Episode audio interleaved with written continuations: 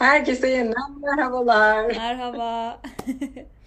ben Ayşenur. Ben Tutkun Dinç. Evet. Yeni bir podcast ve YouTube serimizden devam ediyoruz. Evet. Bugünkü konumuz diller. Diller. Yabancı diller. Asıl mevzuya geliyoruz. Kendimizi tanıttık, alanlarımızı tanıttık. Asıl e, gerçek alanımıza dönüyoruz. Evet. Öncelikle e, şimdi bize en çok gelen sorulardan bir tanesi de kendi bölümümüzde hangi yabancı dilleri öğreniyorsunuz Evet. konusu. Güzel bir soru. Ben sen başla ben Ee, devam ettireyim. Tabii ben burada bir hayal kırıklığımdan bahsetmek istiyorum. Ee, bölümü ilk tercih ettiğimizde, kazandığımızda e, ders seçimi yapıyorduk ve orada dil atölyesi, sen de karşılaşmışsındır aynısıyla. Dil atölyesi İngilizce, Fransızca, e, Latince, Rusça, Arapça, Farsça diye ikili ikili diller şeklinde gidiyordu. Hani ben ikisini birden öğreneceğiz, karşılaştırmalı öğreneceğiz diye bir umut içerisinde gelmiştim. Sonrasında öyle, olmadığını duyunca çok büyük hayal kırıklığına uğradım. Bari dedim tercih yapalım. Hani İngilizceyi biliyoruz, Fransızcayı tercih edeyim falan. Öyle de değilmiş. Yani biz özetle e, lisans boyunca İngilizce, Arapça ve Latince öğrendik. Bunların üzerinde çalıştık. Bununla ilgili senin yorumun var mı Tutkun? Ek dil olarak Farsçayı da söyleyebilirim ben. Seç yani Aa, sen alabilmiştin sen değişiyor. değil mi? Ben Farsçayı almıştım. Tutkun başarılı olmuş. Alabilmiş ben de. yok. Evet, Fransızcayı da alamamıştım. Zaten hani ortaokul siteden biraz, e, Fransızca bilgi sahibim. E, ama Fransızcayı da Fransız dili edebiyatına gitmiştim hocaları zorlamış. Evet. Dedim bu dili tekrar üstünde çalışacağım olacağım diye. Doğru. Bir de e, ek olarak hani yabancı olarak söylemeyi doğru olmaz tabii ki. Osmanlıcayı da Evet. e, bayağı iki yıl boyunca çok önemli bir ders olarak alıyorsunuz. Evet. iki yıl boyunca almıştık. İlk yıl okuma e, yazma çalışmaları olarak almıştık. İkinci sınıfta da gramer olarak almıştık. Ki biliyorsunuz Osmanlıca Arapça yazılan, Farsça gramer kuralları olan, Türkçe okunan bir dil. Ne diyorduk Osmanlıca? Galata meşhur, lügat-ı efsahtan evladır. Aynen. Türkçe mealini alalım hocam e, dinleyicilerimiz için. Yani doğru bilinen yanlışla o kelimenin gerçek doğrusundan önce gelir. Mesela kelime olarak örnek vereyim. Çaydanlık Aynen. diyorum. Çok basit bir örnek oldu. Çok basit. bir Ee, aslında dan Farsçadan lık eki. Evet. Ee, Türkçe'de zaten çaylık o danlık dediğimiz zaman çaylıklık demiş gibi oluyoruz. Aynen. Ama artık bu e, çok çoğu kişi tarafından böyle kabul edildiği için ezelden beri artık bunu değiştiremiyoruz. Yani bu yanlış bir bilgi olsa bile işin doğrusundan, kelimenin doğrusundan Aynen öyle. e, önce geliyor. Galata meşhur, lügat-ı efsahtan evladır. Artık doğrusu olarak kabul ediliyor. Çünkü e, toplum onu o şekilde e, kabul etmiş oluyor. Değil mi hocam? Aynen. Evet Şimdi, doğrusu. e, peki sen bu öğrendiğimiz şimdi İngilizceyi zaten artık e, bir parçası hayatımızın. E, Arapça ve Rusça pardon Arapça ve Latince ve de senin öğrendiğin Farsça olarak üçünden birden sorsam hangisi sence en zoruydu? Dil çok olunca da Arapça Rusça karışıyor. Evet karıştı bir şey. Ee, Arapça tabii ki. Evet. Arapça bayağı, bayağı zorlamıştı bizi. Benim Nasıl kendi öğrenemedik? Biz bunu nasıl Biz de yine öğrenemedik? de e, Arapça seçmeli dersimiz de olmuştu iki dönem. Evet. E, hani de zaten biraz temelimiz var. Gidelim Arap Dili Edebiyatı'ndan e, şey yapalım. Evet. Zorunluluğun İşte- haricinde kendimiz aldık. Ders alalım. Evet. Orada biraz kendi ayağımıza sıkmak gibi oldu. Biz bunu tam dördüncü sınıfta yaptık. Evet. Dördüncü sınıfta çok macera arıyoruz. Aynen. Ya şimdi burada bir dillimci olarak bir yorum yapmak istiyorum. Hani bazen bana soruyorlar hangi dil daha zor, hangisi kolay?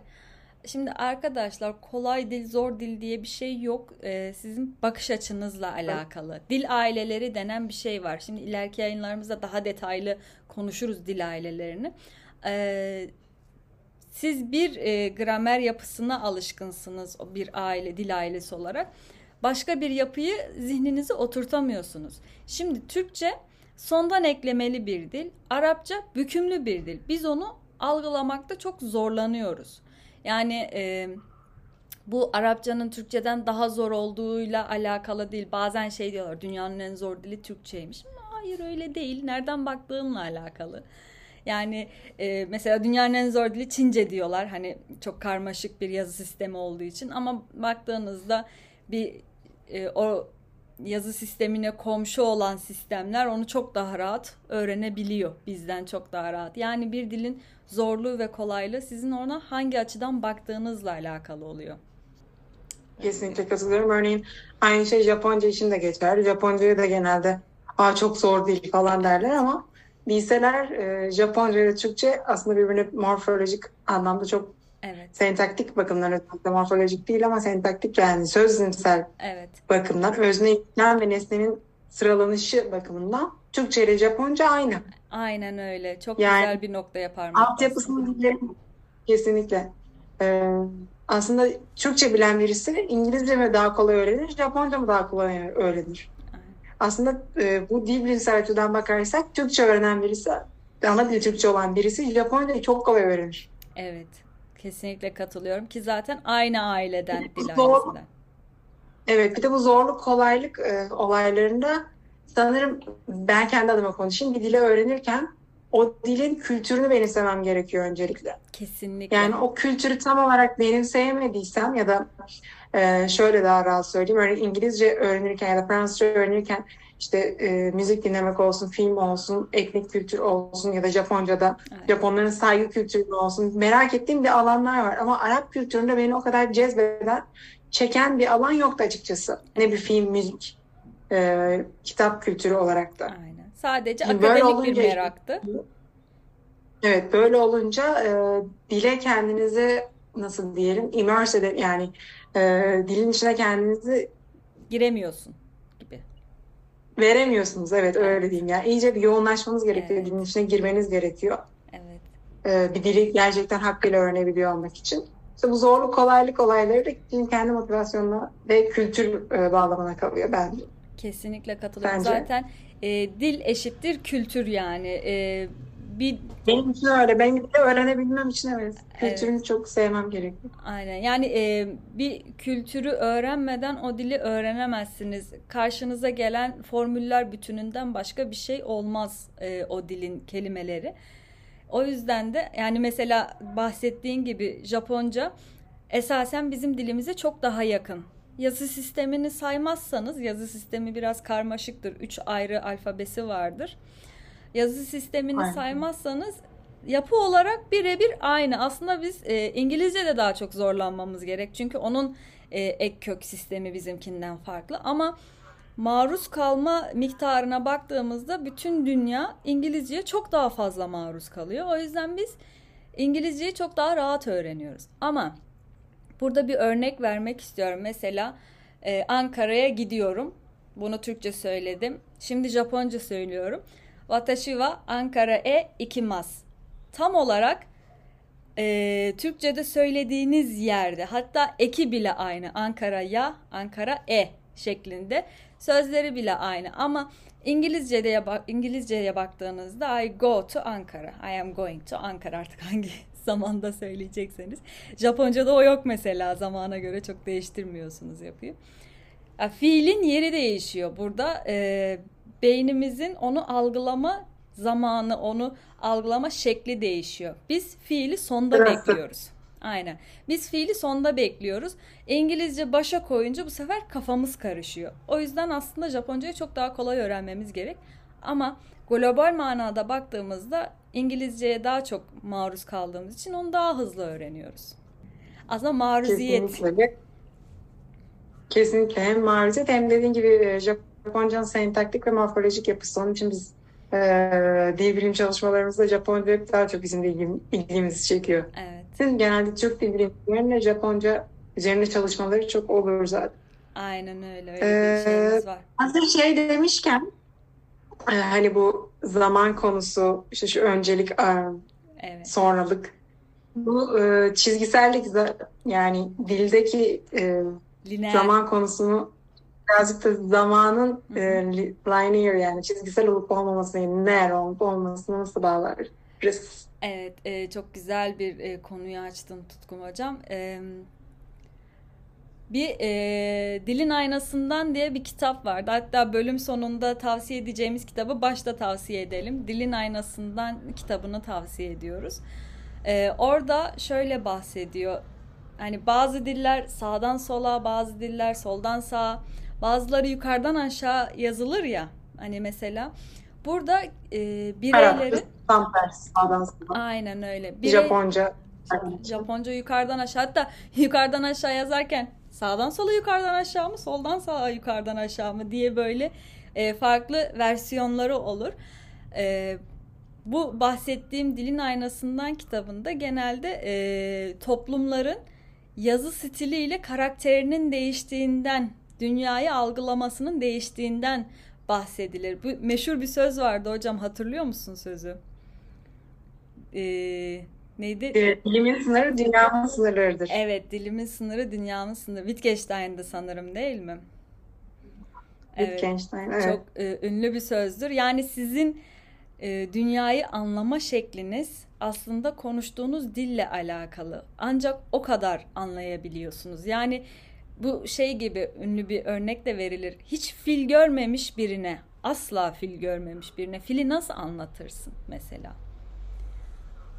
Bunu düşünün dinleyicilerimiz, izleyicilerimiz. Ya da mesela e.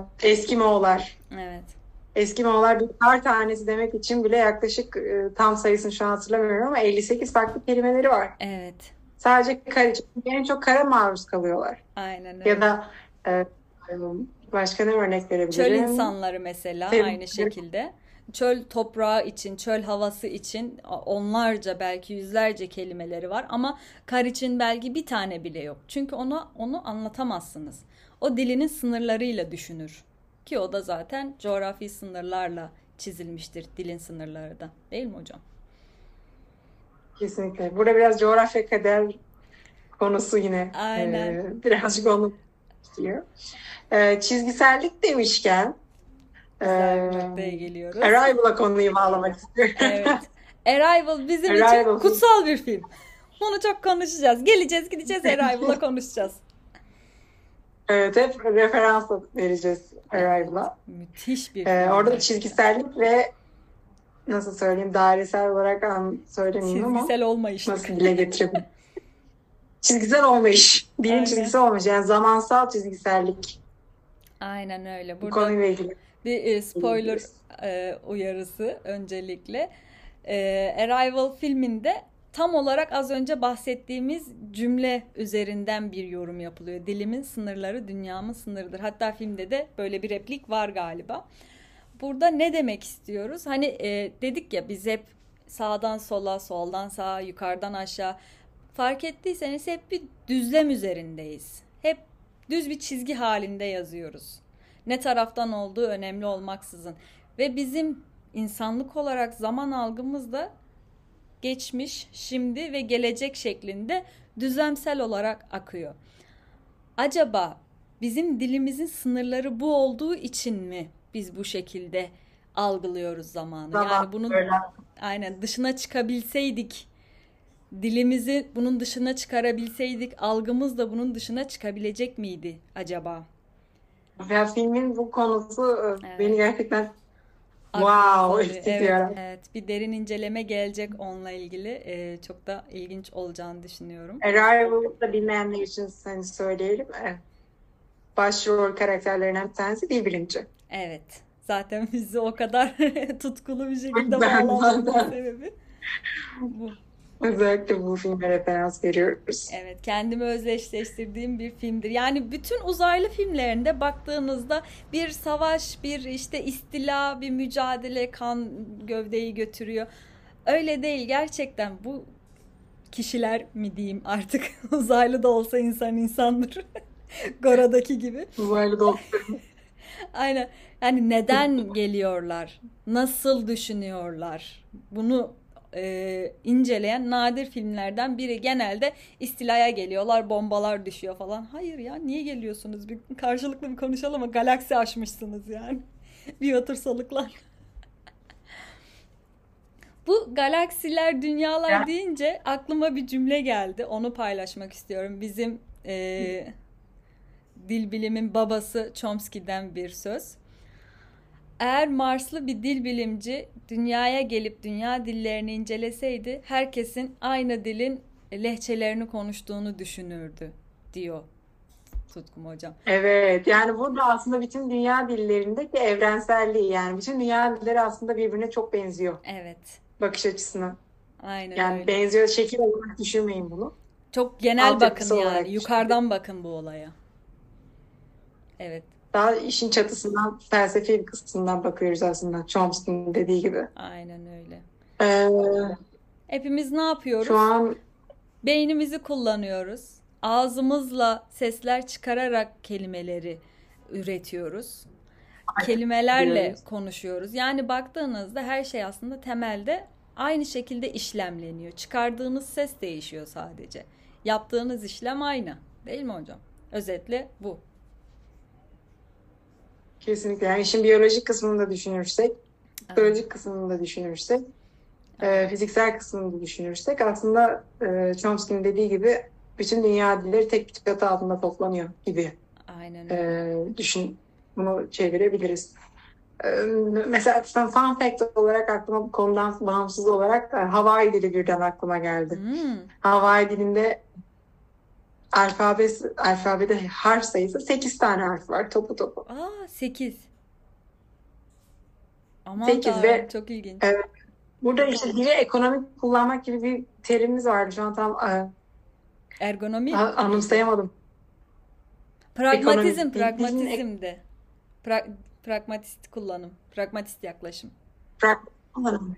Pragmatist yaklaşım da olabilir. Pragmatist yaklaşım. Yani e, harfler ne kadar kısıtlı olursa olsun ondan sonsuz sayıda evet. kelime, kelime ya da üretebilir. Aynen öyle. Kelime dağarcığının alfabe ya da harf sayısına bağlı kalmaması. Aynen. Hawaii dilinde de en çok mesela hangi e, kelimeler daha baskındır ya daha ağırlıktadır? Hangisi? Hmm. Eskimoğullarda Kar karlarla ilgili. Hawaii. Deniz mi diyeyim? Okyanus mu? Denizle ilgili olabilir. Aynen. Ee, işte tarımla ilgili olabilir. Aa, değil mi? Çok tropik bir bölge evet. olduğu için. Aynen. Volkan, evet volkanın olduğu, volkanın olduğu bir adada olduğu için. Aynen. Bu, bu enteresan mesela bir fun fact olabilir. Gerçekten. Çok enteresan. Hawaii dili. Var mı senin aklına gelen böyle? Bu bana şeyi düşündürdü az önce dediğin hani çok az bir harf olsa da çok az kelime olsa da hani dili kısıtlamıyor. Yani burada e, küçük dil, büyük dil gibi bir şey yok ya da bu dil diğerinden daha üstündür diye bir şey kesinlikle yok yani. E, Dilsel ölçüt yok ya. aynen öyle çünkü e, şey derler mesela işte İspanyolca çok üstün bir dil ama işte Hawaii'de 8 tane harf var. Kesinlikle öyle değil yani düşünen insanlar olduğu sürece kaç tane harfe sahip olduklarının bir önemi yok o A konusunda çok geniş bir e, şeye sahiptir. E, dağarcığa sahiptir. Diğeri B konusunda çok geniş bir dağarcığa sahiptir. Yani bu e, kültürle alakalı bir durumdur. Bir dil diğerinden daha az değildir kesinlikle. Ben en çok şeyi e, ilginç buluyorum. Dillerin karakteri yansıtması. Mesela bakın Almanca çok kurallı bir dildir tak tak tak neyin nereye geleceği bellidir. Çok belli spesifik kurallarla yazılır. Çok spesifik kurallarla Onun için Almanlar kurulur. daha disiplinlidir. Aynen. Daha e, çok daha yüksektir Çok diyebiliriz. Hani Aynen. diller arasında ayrımcılık yapmıyoruz ama dilin e, karaktere yansıması bakımından Japonca için de böyle bir şey Aynen öyle. Japonca da çok kurallı bir dildir. Konuşurken de çok e, keskin ve net konuşursunuz. kuralı vardır gerçekten de. O ses setindeki o e, fonetik şeylerden bahsediyorsun sen sanıyorum. Aynen ondan da bahsediyorum. Biraz gramerden de bahsediyorum. Hani e, konuşurken de e, kısa ve keskin konuşursun. E, hem Almanca'da öyle hem Japonca'da da öyle. Çok güzel örnekler verdin. e, bu toplumlarda dakikliğiyle ve çalışkanlığıyla ünlüdür. Ama daha sıcak toplumlara baktığında yani coğrafi açıdan bahsediyorum. Mesela İspanyollar, mesela Arap dilleri, mesela işte ekvator çizgisini çektiğinde o ortamdaki diller e, daha az harfle ve e, genelde sesli harfleri uzatarak konuşurlar. Ee, evet. Aynen çok e, Dilin Aynasından kitabı da bunu çok güzel yansıtıyor. Hani e, sanki diyor e, ıssız çöllerde çoğu sesli harfi düşürmüş, kaybetmişler gibi falan böyle dramatik bir anlatışı vardır o kitabında. Ya da şey diye bir örnek verebiliriz. Fransızların çok uzun e, kelimeleri telaffuz etmemesi. Aynen harfleri Bu kesiyorlar. evet. Saltıyorlar. Yutuyorlar. Ya şöyle bir şey de var Fransızlarla ilgili çoğu kişinin hani bildiği e, bir şeydir gerçi. Hani İngilizce bilseler bile İngilizce konuşmayı tercih etmezler. Onun için e, örneğin bu havacılığa da birazcık atıfta bulunmuş olayım. Hı hı. E, birkaç kaptan arkadaşımdan duyduğum bir e, durumdu bu. E, kokpitte Fransız hava sahasına girdikleri zaman e, hava yani kuleden e, Fransızlar kendi aralarında Fransızca konuşabiliyorlar. Bu da e, pilotların durumsal farkındalıklarını azaltıyor. Hmm. Yani onun için diğer dillere nazaran yani Fransızca bilmenin o yönde bir avantajı olabilir diye düşünüyorum. Hmm. Fransızlarda öyle bir şey var çünkü biliyorsunuz hani İngilizce konuşmak istemiyor. Evet. O Buna kapalılık mı diye artık ne diyelim bilmiyorum. Sanırım lingua franca ee, olmayışlarının bir hala e, kuyruk acısı mı diyelim. bir dönem lingua franca dünyada geçerli dil Fransızcaydı. Sonra bir şeyler oldu, İngilizce oldu. Oradan kalma şey olabilir. Oradan kalma. Aynen. Yani bu ırkçılık olayını Fransızlar dilde yapıyor mu? Dilsel ırkçılık. Dilsel ırkçılık. Aynen evet. hassas bir konu aslında evet. Milliyetçi evet oldukça milliyetçiler.